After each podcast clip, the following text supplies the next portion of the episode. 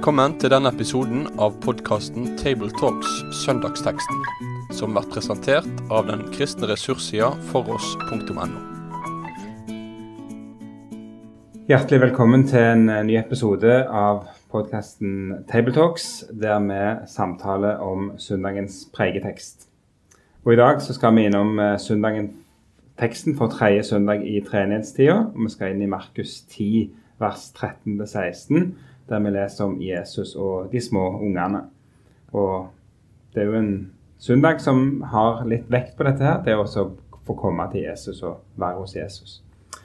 Treenighetstida er jo den lange delen av kirkeåret der vi ikke har så veldig mange store høgtider og fester, men der vi gjerne utfolder og leser tekster som handler om det å være en disippel, det å leve i trua på Jesus og det å følge Jesus. Og Det er definitivt en viktig poeng òg i dagens tekst. For å samtale om denne teksten så har jeg med meg Toril Slottsveen Asp. Og Sverre Bø. Og så skal Toril få lese teksten fra Markus 10, vers 13-16. De bar små barn til ham for at han skulle røre ved dem. Men disiplene viste dem bort. Da Jesus så det, ble han sint og sa til dem, La de små barna komme til meg, og hindre dem ikke, for Guds rike tilhører slike som dem. Sannelig, jeg sier dere, den som ikke tar imot Guds rike slik som et lite barn, skal ikke komme inn i det. Og han tok dem inntil seg, la hendene på dem og velsignet dem. Her i Markus 10 så har jo I starten av kapittelet så leser vi at Jesus har reist til Judea, og at han nå er bortenfor Jordan, står der. Jeg vet ikke helt hvor det må være, men det er gjerne litt ute i ødemarken. Så jeg ser liksom umiddelbart for meg at her er det, der kommet folk her, både fariseere og andre, som vil lytte til Jesus. Og tydeligvis da foreldre som har med seg ungene sine. Og jeg ser jo for meg at de kanskje har ofra litt for å komme der, eh, og gått et stykke og kanskje er det må slitne. Og så ja, er det en ganske røff mottagelse, da. De får disse her eh, Kanskje det er mødre, det står jo ikke, men disse foreldrene som kommer med, med sine unger. Og det er gjerne der vi skal begynne. Eh, den avvisningen som de møter hos disiplene. og jeg tenker at I utgangspunktet så er det jo en veldig rørende tekst. Og den vekker kanskje mange varme følelser hos oss. Eh, hvis man ikke først dukker inn i det du sa nå. Men, eh, men eh, så tror jeg at det er eh, vi kommer til, Når vi har snakka om dette her, så kommer vi jo til å se at det er ganske sterke konfrontasjoner og kollisjoner i denne teksten. Eller hendelsen. Som en kanskje ikke tenker så mye på i utgangspunktet. Men men det at de ble vist bort, da har jeg tenkt meg i utgangspunktet at disiplene kanskje bare stilte seg litt bredbent i veien og, og, ikke sa så mye, men bare brukte armer og ben for liksom å holde dem litt unna. Men når en begynner å, å, lese teksten litt nøyere, så ser det jo ut som de, de faktisk eh, forholdt seg med, med sinne. Eh, kanskje irritasjon og, eh, og et, et, veldig negativt engasjement når de hindra disse å komme nær Jesus. Um, så de, de, Det beskrives vel at de på en måte ikke ikke kunne rett og slett akseptere det som nå var i ferd med å skje. De måtte stoppe det. Og i en annen tekst står jo at det var spedbarn. Så kanskje gikk de der og bar disse spedbarna på, på armen. Og jeg tenker at uh, det var kanskje lett for en oppegående disippel å skjønne at dette har ikke Jesus tid til nå. Og dette er ikke Dessverre for dere, men dette er ikke en del av den eh, oppgaven Jesus står midt i. Ja, det er jo riktig undervisning nå. Ja, Han kan ikke prioritere det nå. Så dere får holde dere unna. Men jeg tror ikke det var en sånn 'unnskyld, men akkurat nå går det ikke'. Det ser ut som det var mer 'hold dere unna, ikke forstyrr'. Mm. Og denne teksten får litt ekstra farge og, og skarphet når en lytter til gamle, klassiske jødiske tekster om hva skal til for å være dette treet plantet ved rennende bekker, som har sin lyst i Herrens lov og grunner på den dag og natt. For Der står det i den eldste delen av Mishna, i traktaten, traktaten Pirke Avot, oppskrift på hva det er som hindrer. Og der står det eksplisitt det å henge rundt med små barn. Eh, det kan stenge deg ute fra Guds rike, for det er ikke forenlig med konsentrasjonen om Herrens lov. Mm. Og så kommer Jesus med en helt eksplisitt motsatt. Den travle lovlæreren, han som også helbreder, driver ut onde ånder, en folkestimmel rundt. Han tar tid og prioriterer og irettesetter enhver som prøver å hindre barna. Det blir en veldig direkte kontrast. Mm. Men jeg tenker at det kanskje under det som står at han, han hindret eh, eventuelt mødre, foreldre og barna, så hindra de kanskje noe annet også, tenkte jeg, som Jesus kunne reagere på. For ved sin handling så hindra de at Guds rike virkelig skulle nå fram til de det var for. Og da, da stanser de på en måte hele Jesu gjerning ved det de gjorde. Mm. Så kan det være interessant bare å merke seg at eh, det er jo ikke veldig mange vers tidligere at Jesus har sagt at eh, den som tar imot et sånt lite barn i mitt navn tar imot meg. Han har jo prøvd å undervise disiplene litt om dette her. Og så kommer dette her, da. Og da er vi også veldig nær ved et svært viktig punkt. Hva er det ved barna mm. som gjør at Jesus løfter dem fram og sier 'den som ikke tar imot Guds rike slik et lite barn, skal ikke komme inn i det'? Og gjennom årene har vi vel hørt noen hver eh, mange merkelige utlegninger over hvor idylliske barna, hvor troskyldige de er, hvor søte de er, og hvor uskyldige de er. Og så leter vi etter de positive egenskapene på en måte som kanskje setter resten av Bibelen litt i offside. Som sier det at vi er av naturen vredens barn, og at vi dessverre ikke er født i Guds rike. Hva er det da ved barna? Disse hjelpeløse små som trenger alt, som mangler. De som må få det alt sammen. De viser hvem Guds rike er for. Det er slike som disse, slike som disse hjelpeløse. Da er det ikke de positive egenskapene ved barnet som vi mister etter hvert, men det er det åpenbare i en hjelpeløs liten baby som ikke kan leve mange timene uten andres omsorg. Guds rike hører slike til. La dem få vise vei. De som står igjen utenfor, det er de som fikser alt selv, som klarer seg selv, og som egentlig ikke trenger Jesus annet enn å pynte fasade og ha et celebert selskap. Mm. Disse trenger å få det alt. Det er de som er fattige i seg selv. Guds rike er deres. Og Det er jo interessant at rett etterpå så får vi jo fortellingen om denne her mannen som kommer til Jesus, som er rik og ressurssterk. Han har holdt budene fra han var ung. Og så ender han jo da opp med å gå tomhendt vekk fra Jesus. Så Det er en enorm kontrast.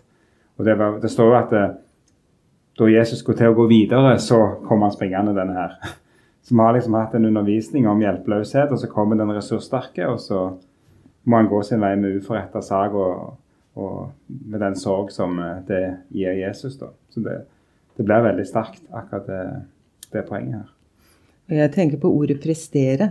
Mm. Altså, det er i hvert fall helt tydelig at når du kommer med et spedbarn som ligger på armen, så kan ikke det spedbarnet prestere mm. noen ting annet enn å skrike om barmhjertighet når noe er vondt. Eh, og jeg tenker, Det står jo tidligere også at Jesus, eh, Jesus ble sint. Det står jo ikke det så mange ganger. Men når Jesus blir sint, og det ordet som er brukt her, har vel litt å gjøre med, med når man blir sint fordi man ser en urettferdig handling begås. Eh, og det rører både med følelser og handlinger hos Jesus at han blir sint. Og det er vel kanskje nettopp at Uh, han ser at de er i ferd med å uh, Ja, de misforstår, og de vil gjerne hindre akkurat det at Guds rike skal gis der det ikke er noen prestasjoner som kan tilsi at de fortjener det.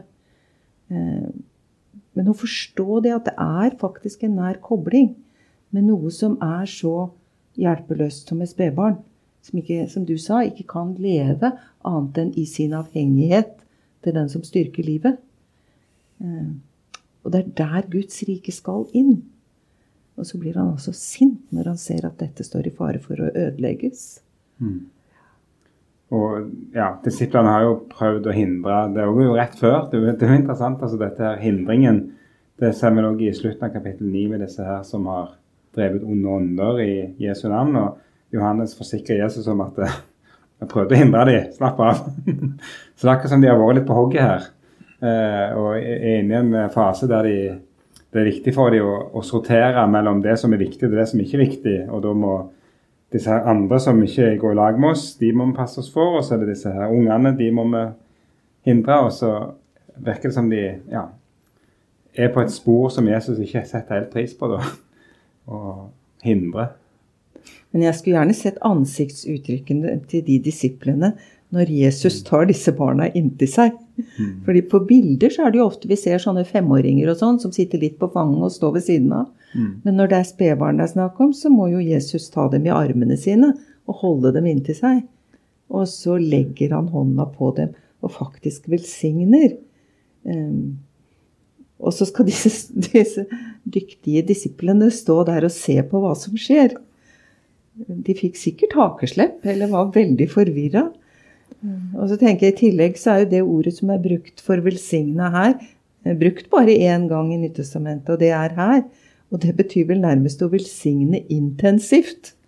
Altså en, en enda sterkere velsignelse enn de er vant til å, å tenke på.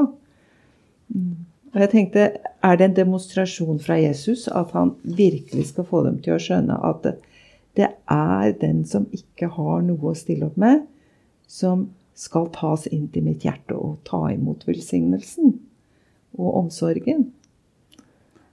Jeg er så enig, Toril. Jeg tror akkurat det er slik det er.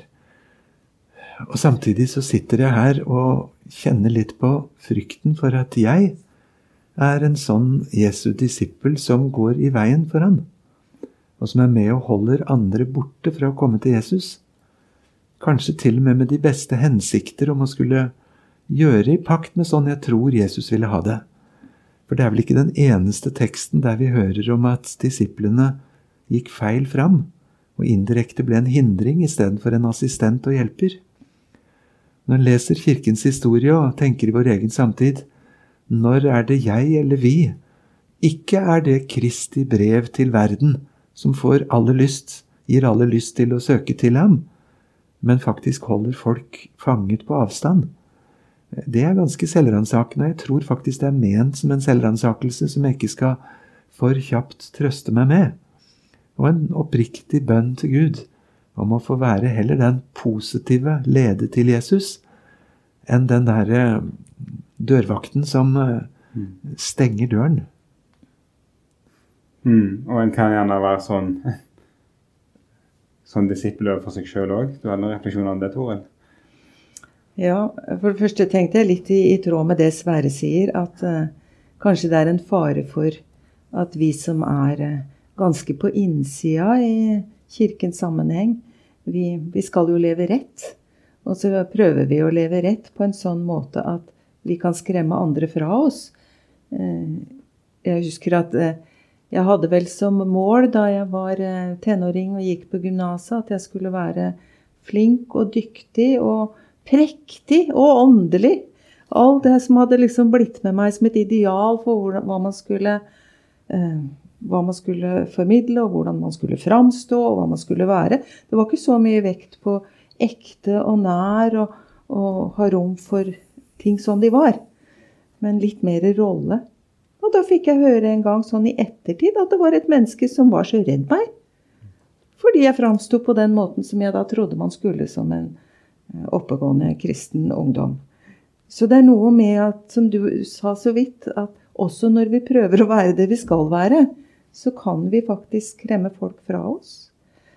Eh, men så tenkte jeg på det, på det som skjer inni meg, er at jeg tror jeg har denne disippelen som er litt streng, samtidig som jeg har et hjelpeløst barn som trenger Guds eh, varme og, og omsorg så, så blir det en sånn indre kamp at selv om jeg tror og bekjenner med hodet mitt at Guds nåde er for alle, Guds nåde er for det svake, så kan jeg ofte likevel føle at Nei, nå må du ta deg sammen. Nå har du strevd med dette, og du kommer ikke lenger, og du er som du alltid har vært, og du er håpløs. Og, så det er akkurat som det fort kommer inn sånne budskap fra mitt eget indre som, som stenger veien når jeg bare trenger å få kjenne at Gud har nåde nok og godhet nok og holder ut med meg.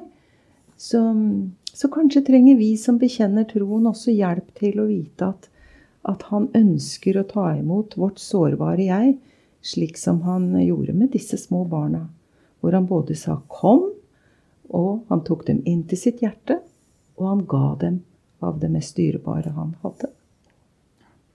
At vi ikke må være med begge deler, gjerne. Med både den strenge disippelen og de hjelpeløse barna. Så må vi passe på at den strenge disippelen ikke får lov å herske inn i, inn i mm. og overfor mitt indre hjelpeløse barn. da. Mm. Det, ja, det er et uh, utrolig fint uh, perspektiv å ha med seg.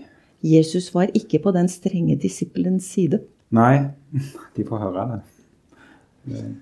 Og så ligger det i teksten en veldig oppgradering av hvordan vi skal ta imot barn. Ja.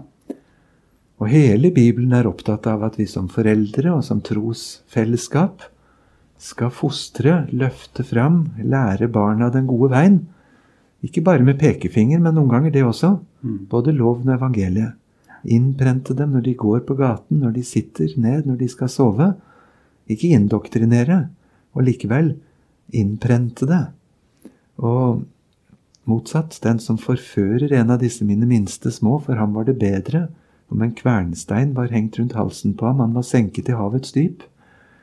Altså løfte til det maksimale det ansvaret, den gaven og oppgaven et barn er, i familie, som faddere, eh, men som trosfellesskap.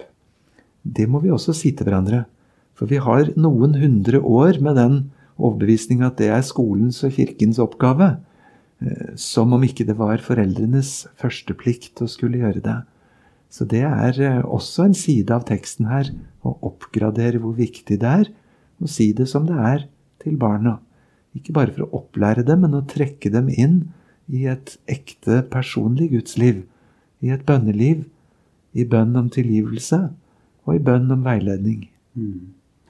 Og da tenker jeg litt på forkynnelse for barn. Denne teksten er jo veldig lett å bruke der.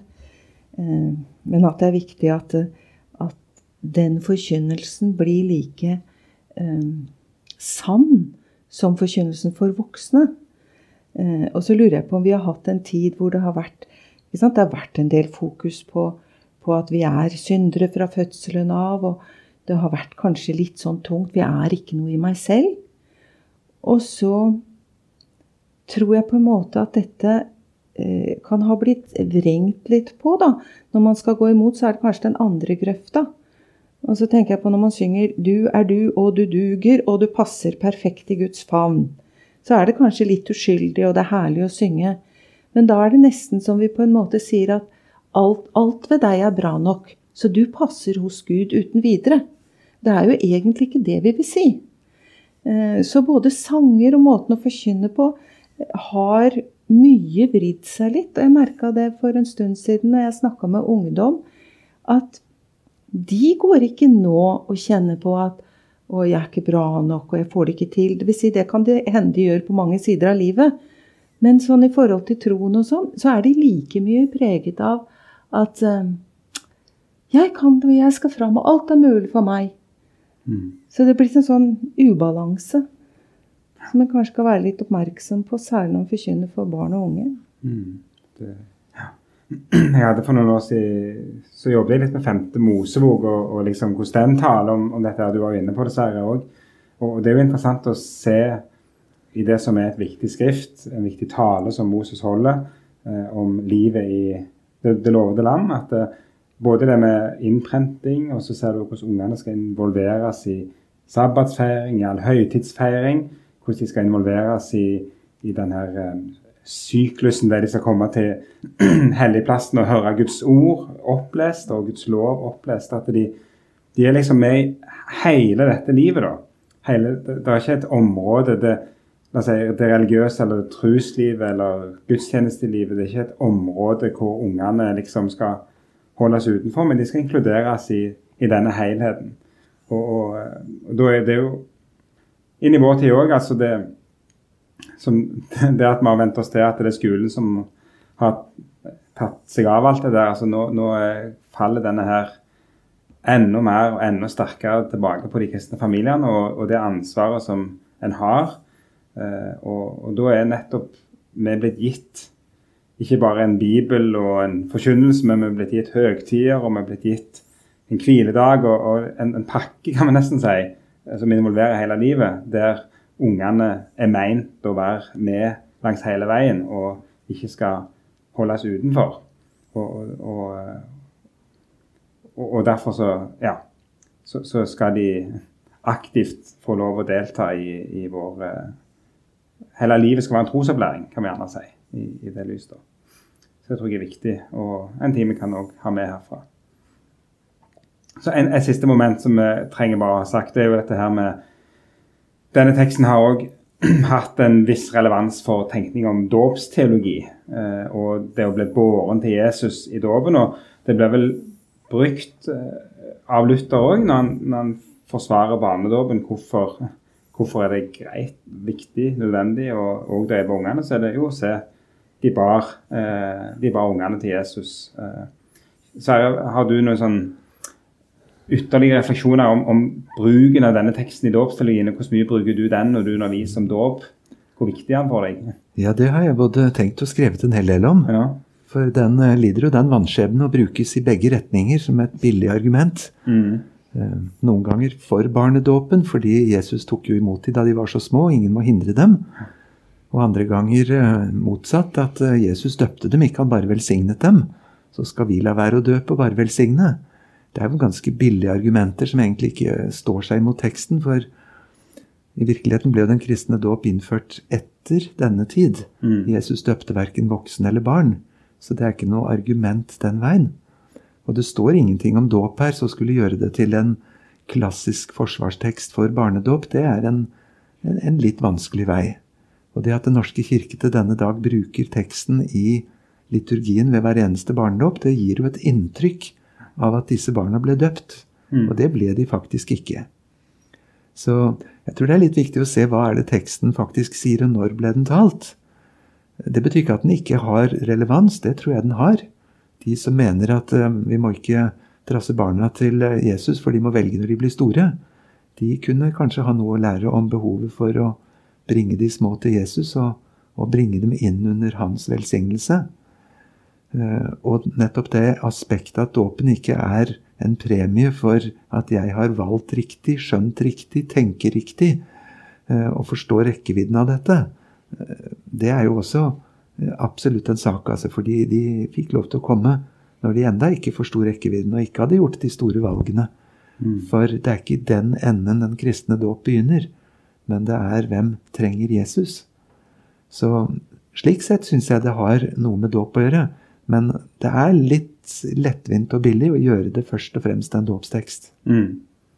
Fint. Greit å ha, ha, med det òg, at vi prøver å oppfordre seg når en forkynner over teksten òg, at det gjerne det er Det handler mer om Det er ikke primært dåpen, men det er det er rundt det som handler om hvordan Jesus tar imot, og nødvendigheten av å, å ha den hjelpeløsheten som barnet har. At det kan være viktigere å få sagt noe om enn akkurat det å vinne en debatt om dåpen, kan vi gjerne si. Og så syns jeg det er veldig stort både, både, her og i den teksten hvor han, han tok det lille barnet og, og holdt omkring det når han hadde noe han skulle lære disiplene om. Det at Jesus er eh, billedlig. Altså, vi, for oss blir det jo veldig mye ord, da. Men det å bruke litt tid på å leve seg inn i det som virkelig skjedde, å se disse bildene for seg. Og jeg tenker hvis man ser Jesus stå med dette hjelpeløse barnet inntil seg, og bærer med seg det bildet, så er det ofte at det bildet kan nå lenger inn med den virkeligheten det bærer, enn våre forklaringer og ord mm. også. Så ta vare på de billedlige uttrykkene som fester seg. Se for seg smil og varmen. Ja. Mm. Og i en sånn tekst er det ganske lett. Mm, det er jo det. Det er helt sant. Hvis du skulle talt over teksten, Sverre, hva ville du særlig vektlagt, tror du? Det blir igjen å se hvem er det som hører sammen med Jesus. Hva var det for en type folk som han til slutt assosieres med. Noen steder står det syndere og tollere. Eh, det var en Nikodemus som kom. Det var noen disipler. Det var en lovlærd som kom løpende og ville bli en del av dette fellesskapet. På langfredag var det en røver korsfestet som ble førsteperson til å stige inn gjennom den nye broen. Hvis du lar persongalleriet sige inn, hvem er disse? En fortapt sønn, men også en Gud som er på leit etter en sur storebror, så gjør det et veldig sterkt inntrykk. Og så blir det en utrolig bønn. Kan jeg få likevel lov til å passe inn? Jeg passer ikke i noen av de kategoriene, men er det plass for meg også, Jesus? Hindre dem ikke. Guds rike er for sånne som trenger meg. Mm. Toril, har du noen tanker? Ja, jeg syns det er veldig trøstefullt og sterkt at, eh, at Jesus ikke vil at noe skal få lov til å hindre eh, meg, svake meg, det som er sårbart og lite. Det er ingenting som skal forhindre det fra hans favn. Og at Jesus faktisk Dette at han ble sint, det var jo at han reiste seg med kraft for å sørge for at det sårbare kunne få ligge nær hans hjerte. Og jeg kjenner meg ofte så sårbar i livet at det er mange ganger eh, tungt å mestre livets utfordringer. Og da er det også trøstefullt å se at Jesus har en så dyp og var omsorg også for mitt sinn Eh, ikke bare for evigheten, tenker jeg, selv om det ligger under alt han gjør, fordi han innlemmer oss i Guds rike nå og siden. Og det er jo det, det bærende. Det virkelig bærende. Men, eh, men, han ga dem velsignelsen, disse små barna, intenst akkurat der og da. Så når han ga dem tilbake, så ga han tilbake eh, intenst velsignede barn fra Guds rike og inn i mødrenes favn igjen. Mm. Ja. På, for oss så ligger det òg flere ressurser knytta til denne teksten, så det er jo mulig å fordype seg eh, gjennom de ressursene.